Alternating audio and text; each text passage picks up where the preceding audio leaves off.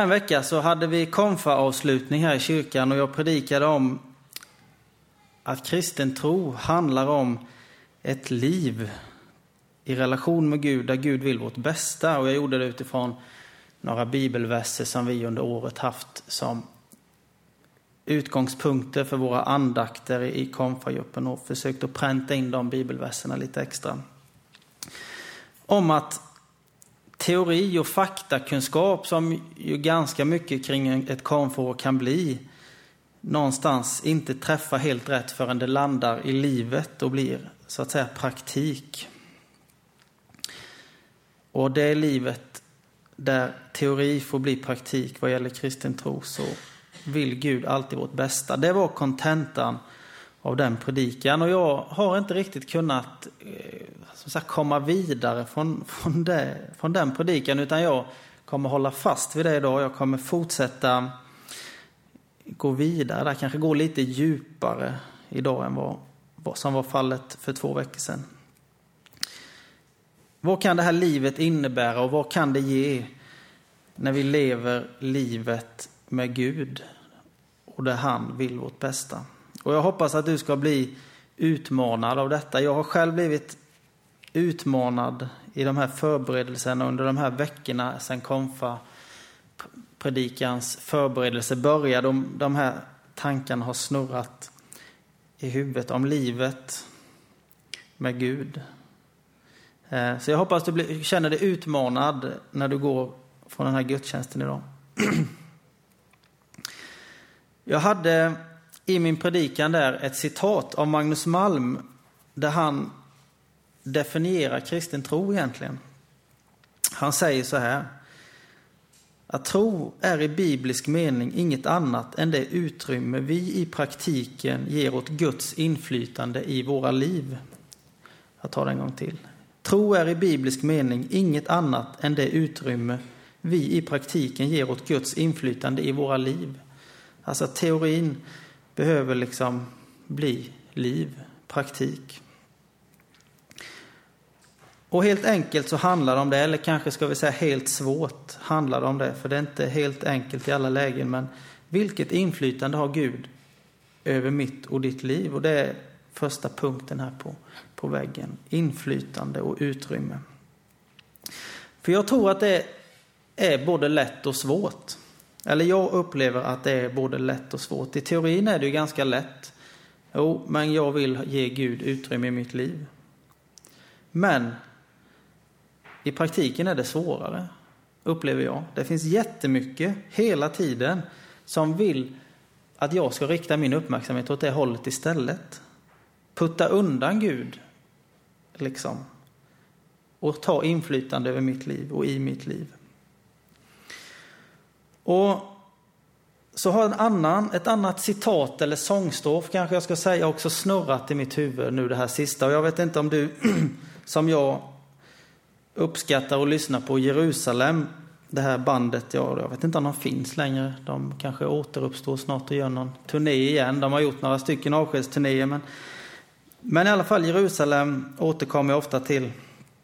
Eh, för jag tycker de är väldigt bra i sina texter. Men då säger, eller säger, då sjunger de så här i en sång.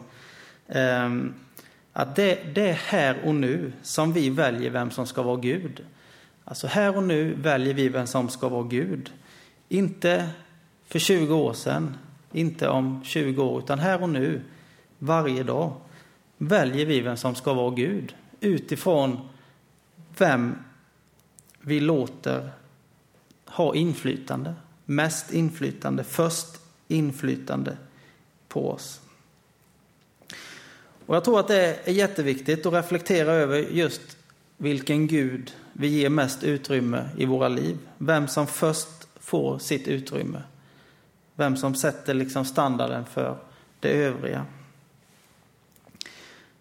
För jag, upp, jag upplever själv, och jag tror inte jag är ensam i det, att det finns en risk att Gud, alltså Gud med stort G, får mindre utrymme hos mig så här i sommartid. Man går på semester och man är ledig och man är borta och liksom det här med kyrkan blir inte så smidigt kanske som under terminerna när de är igång. Så inför sommaren så tror jag det är viktigt att reflektera över detta. Det är alltid viktigt, men som sagt, kanske inte minst nu inför stundande ledigheter och sommar att vad är det som jag väljer att vara min Gud? Vem väljer jag att sätta inflytandet i mitt liv på första plats, så att säga? Och jag hoppas inte att du upplever att, att det här blir en börda på dig, den här predikan att ah, men jag, okay, jag misslyckas här eller, eller så, utan det handlar som sagt om utmaning. Jag upplevde upplevt det själv att här behöver jag utmanas. Jag hoppas att du känner att det är en utmaning det här. Att, att ja, reflektera över hur vi släpper fram inflytande från olika håll i vårt liv. Eh, jag vill läsa från Matteus 7 med start på vers 7 och det är sidan 682 eh, om du vill ta Bibeln i bänken. Eh, Matteus 7 och det är en av de här, ett av de här bibelsammanhangen som fanns med på konfahögtiden.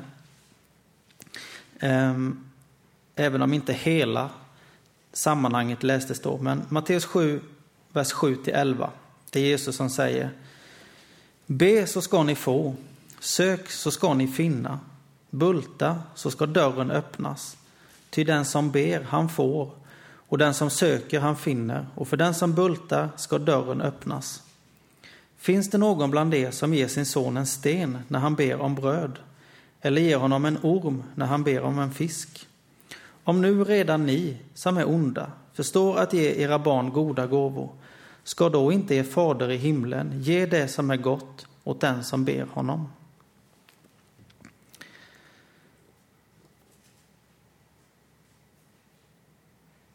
Och jag tänker att Ja, vi kan lägga på nästa punkt här förresten. Ehm, jag hoppar, hoppar fram ett par år här. Ehm, att det finns mer. Alltså den här bibeltexten tycker jag säger att det finns mer.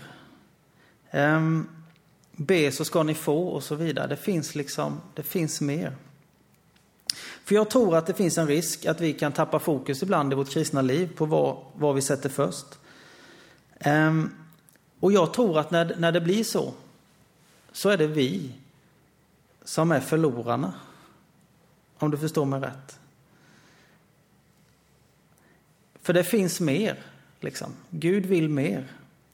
Det är inte så att Gud inte bryr sig alls och liksom rycker på, ax rycker på axlarna åt om vi hamnar liksom, ja, och tittar åt ett annat håll än han. För han längtar efter oss och han liksom glädjer sig över den relationen du och han har.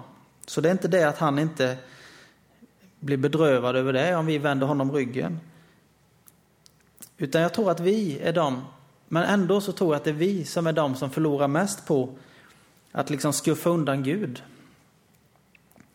Ehm, för i den här texten som sagt, och även i det Lars läste i inledningen från Kolosserbrevet 2, eh, så är det ju när de preciserar, när Matteus, eller Jesus är det ju i Matteus, och när Paulus i Kolosserbrevet preciserar liksom hur den kristna tron är tänkt att fungera så visar det ju något, på något sätt hela tiden vidare kring något mer. Det stannar inte vid att ja, men ta emot Jesus och så är det bra.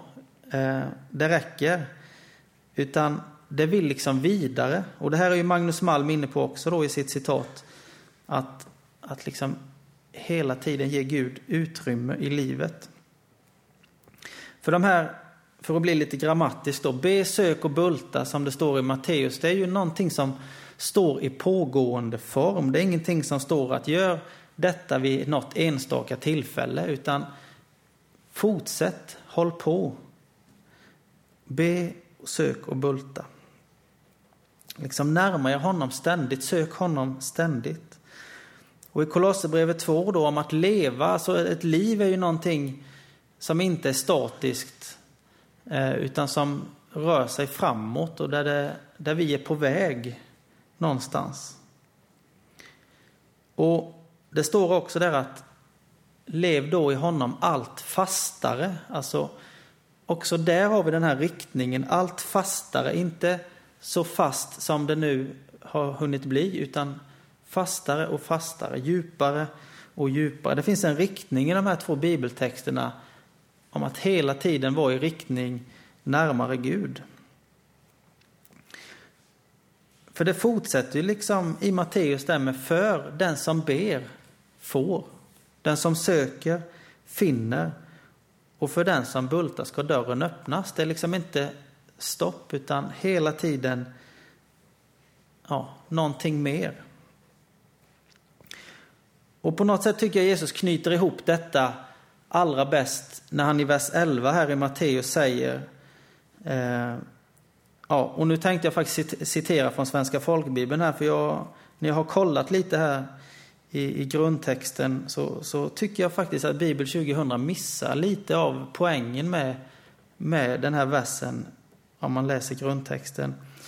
Och vers 11 då, så säger Jesus så här enligt folkbibeln och som jag anser grundtexten också. Hur mycket mer ska då inte er fader i himlen ge det som är gott åt dem som ber honom? Alltså be så ska ni få och så vidare. För hur mycket mer ska då inte er fader i himlen ge det som är gott åt den som ber honom? Han är ju alltigenom god, till skillnad från oss. Ändå förstår vi att vi ger inte dåliga saker till våra barn när de ber om något bra. Men Gud är ju alltigenom god. Hur mycket mer ska han då inte ge det som är gott åt oss när vi ber honom? Bönesvar, välsignelse, ledning och så vidare. Inte det att livet alltid går som på räls och alltid är guld och gröna skogar, men det bästa vi kan få på något sätt. Och det finns mer, som sagt, mycket mer att få när vi ger Gud utrymme och inflytande över våra liv. Och det som finns där är gott. En sån här illustration som har levt lite i mitt huvud när jag har förberett det här är, är bilden av ett, ett vattendrag, en bäck med friskt vatten. Klart och gott och friskt vatten som man kan upptäcka i, en, i ett vattendrag. Och om man upptäcker det så är ju det naturliga någonstans att vilja ha mer och kanske söka sig närmare källan. Att tänka, ja visst det var bra vatten här, men närmare källan är, är det ju ännu bättre. Och ju närmare den här källan man kommer, ju friskare och klarare och godare blir vattnet. Och jag tror det är så med vår relation till Gud, vårt liv med Gud. Att ju närmare Gud vi kommer, för Gud är källan med det bästa vattnet. Och ju närmare honom vi kommer, ju godare blir det. Det är inte det att det är dåligt vatten där vi är nu. Men vi har bara att vinna på att närma oss Gud ännu lite till. För där blir det ännu godare. Ju mer utrymme Gud får över att ha inflytande i våra liv så tror jag att våra liv kommer smaka godare. Vi vinner på att närma oss Gud. Och hur gör man då detta? Närma sig Gud och ge honom utrymme? Ja, man skulle kunna stapla grejer här. Eh, och jag gjorde det lite kort i min konfapredikan då för två veckor sedan, nämnde lite olika saker. Jag tänkte inte göra det idag. Men jag vill ta en sak, en grej som jag tror är en väldigt viktig nyckel i detta med att ge Gud utrymme och inflytande. Och det handlar om nummer tre här som kommer på väggen. Det handlar om att skapa det här utrymmet med betoning på skapa. Alltså det är svårt idag med utrymme i våra liv. I alla fall är det det i mitt liv. Och jag upplever också att det blir nästan svårare och svårare också. Allt eftersom åren går. Jag är inte, inte så hemskt gammal. Konfirmanderna och, och några tonåringar här, de gissade på att jag var yngre än vad jag var. Så det, var, det var ju positivt. Men, men i alla fall, jag kan uppleva att de åren jag har att ta, se tillbaka på så tycker jag det blir svårare och svårare med, med de här utrymmena för Gud, att ge Gud utrymme.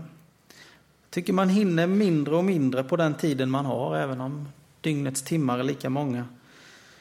Och jag tycker jag matas och dessutom matar jag mig själv hela tiden med intryck. Mer och mer har intrycken kommit liksom på bred front utifrån, men jag har också blivit bättre eller sämre, vilket man nu tänker här då, på att mata mig själv med fler intryck, med nya intryck.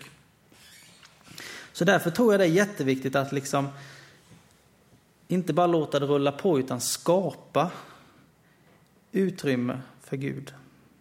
Först till honom, sen till annat. För det är ju inte heller så att vi inte får ge något annat utrymme i våra liv än Gud. Absolut inte. Men jag tror att vi ofta kanske börjar i fel ände. Gud får på något sätt utrymmet som blev över. Istället för att Gud får sitt utrymme först. Sen ser vi lite vad det gör för det andra. För tar jag mig inte tillfällen att lyssna, att söka och be, hur ska jag då höra? Hur ska jag då kunna vara mottaglig för detta som Gud vill ge? Vilket utrymme får han då? Att svara mig, att leda mig, att verka i och genom mig.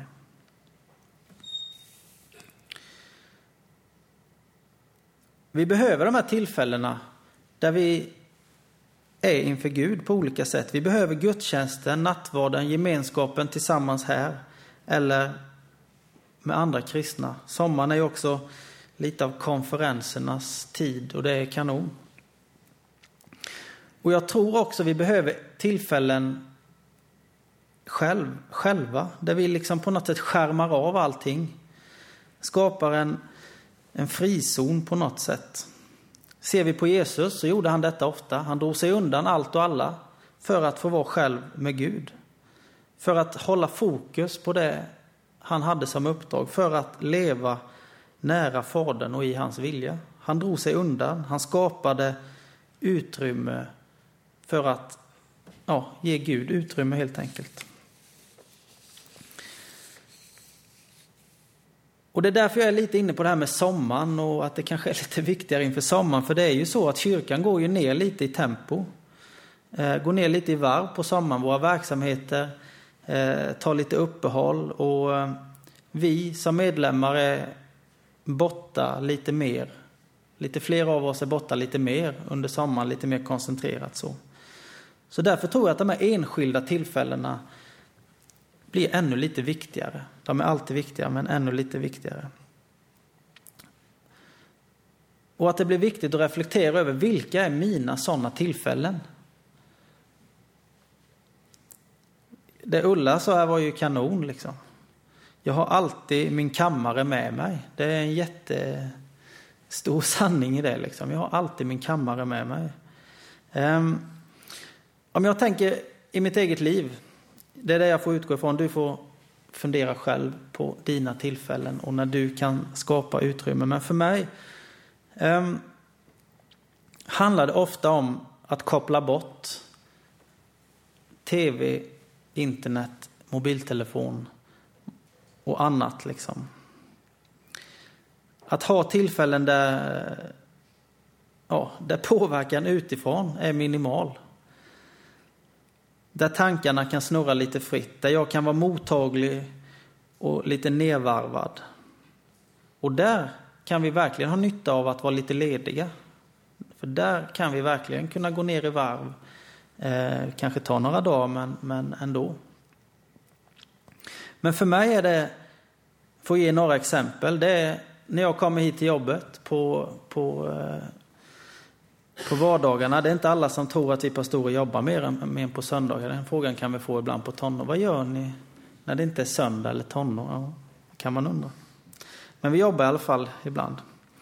Och då försöker jag ta en, en stund i andaktsrummet och liksom varva ner det. Och det vet jag att alla inte kan göra på jobbet. Det är en, en stor förmån som pastor att, att ha det inskrivet i arbetsbeskrivningen, att ta tid för sådana grejer. Men det kan också vara att när jag åker bil, vad det nu kan vara, ibland gör man något ärende och är själv i bilen, att helt enkelt låta radion förbli av. Det kan vara att gå en, en liten promenadrunda. Det, det här ska jag säga, det här händer inte varje dag för mig, men att ändå göra det utan musik i öronen. Jag kan se mycket folk ute som springer och går och nästan alla har sådana lurar från telefonen eller från någon musikspelare i öronen. Och ibland kanske man kan må väl av att inte ha det. Och för mig kan det också faktiskt vara att ställa mig i duschen. Eh, många knutar inför predikningar och annat till exempel har lösts i duschen. För där, ja, där är man helt själv. Som sagt, det var några exempel från, från mig. Jag vet inte, du har säkert andra tillfällen och det är inte jätteviktigt var och hur det ser ut, utan att de här tillfällena finns och skapas och tas tillvara på. För det ger sig sällan smidigt av sig själv. I alla fall inte för mig. Det är inte så att det dräller av tomma stunder på dagen där, där liksom tankarna får obehindrat snurra eller Gud får ja, det utrymmet. Utan det, det måste liksom ja, skapas. Och jag tycker det var jättebra. Ta med det. Jag har alltid min kammare med mig. Ta med det. Det kan vara nästan vad som helst tror jag. Ni har alltid er kammare med er. Och jag tror att det är tillfällen som givetvis parallellt med vår gemensamma tillbedjan här i, i församlingsgemenskapen är jätteviktigt för det här att ge Gud utrymme och för att han ska få inflytande över våra liv. över mitt liv hemma, på jobbet, i skolan, bland kompisar. Över mina prioriteringar vad gäller tid, engagemang, pengar och så vidare. Det inflytandet får Gud när vi ger honom utrymme. Och jag tänkte skicka med ett konkret tips nu i den här årstiden när skapelsen visar sig från sin allra bästa sida. Tycker jag i alla fall. Och det är vid Hakarps kyrka så finns det en, en liten bönevandring. Kanske har du redan gått den eller känner till den. Den kallas för Pärlstigen. Eh, och den bygger på eh, den här frälsarkransen, om ni har talat om den. Det finns Eh, Eh, ett armband här med lite olika pärlor och en, en bok som eh, utvecklar detta lite. Där har man gjort en bönevandring kring det. En runda på drygt två kilometer, så det tar inte sådär vansinnigt lång tid. Ehm, där finns det tio stationer med liksom de här olika pärlorna. Och där det finns lite information och någon bön lite reflektion där de liksom får symbolisera olika saker, olika eh, nyckelområden i den kristna tron. Ehm, och så kan man gå denna rundan, förslagsvis under tystnad, eh, om man inte nu känner att man vill be högt eller kanske sjunga en sång för sig själv. Eh, men i alla fall kanske inte i samtal med andra. Ehm, och jag tycker den är jättebra. Vi gick den för eh, någon vecka sedan när vi möttes med pastorerna, allianspastorerna i närområdet här. Så vi möts några gånger per termin och sista gången vi möts varje termin så brukar vi göra något lite eh, speciellt eller något lite mer än, än, vanligt. Och då, den här gången gick vi den här bönevandringen tillsammans. Och, och det var väldigt positivt. Upplevde jag själv och det var den responsen vi fick av de andra pastorerna med. Men i alla fall, den börjar, kom, åker man från detta hållet i Akab kyrka, så strax innan, eller egentligen där parkeringarna börjar, så på andra sidan, så går det in en liten grusväg till höger. Det står också Pärlstigen där på en skylt och det finns en brevlåda där med en karta om man nu skulle vilja ha det. Men annars är det bara att börja följa den vägen. Några hundra meter, sen finns det lite information, sen går man en runda eh, i naturen där. Eh, tyvärr Eh, ett litet minus är att man kommer inte runt hela om man eh, har en barnvagn med sig till exempel, eller rullator eller rullstol. Eh, då får man nog nöja sig med hälften och sen backa tillbaka. Men i alla fall, det kan vara värt ändå. Man kan ju köpa boken och, armbandet så kan man ju liksom köra hela även om man inte kan gå just hela den rundan. Och det är en jättebra runda för att liksom skärma av, gå i naturen, eh, få lite tankar och reflektera över lite böner och be. Eh, och vara för sig själv inför Gud en stund. En dryg halvtimme eller vad det kan ta. Det beror på vilket tempo man håller. Men, men det kräver inte så jättemycket. Men det ger väldigt mycket. Det är ett sätt att skapa utrymme för Gud, att ha inflytande i våra liv. Sen får ni ta resten vidare själva. Jag tänkte inte lägga på er mer nu. Eh, men som sagt, skapa utrymme för Gud. Och det är för din skull. Jag tror att du och jag har så mycket att vinna på det. För hur mycket mer ska då inte er fader i himlen ge det som är gott åt den som ber honom? När vi gör det. Amen. Vi ber. Ja, Jesus, tack att du har mer för oss. Inte att du vill tvinga på oss någonting och kräva saker, utan du erbjuder oss något mer hela tiden. Hjälp oss att ta vara och hitta stunder där du får sätta agendan, där du får ta ditt utrymme först och på det sättet få ha inflytande i våra liv. Amen.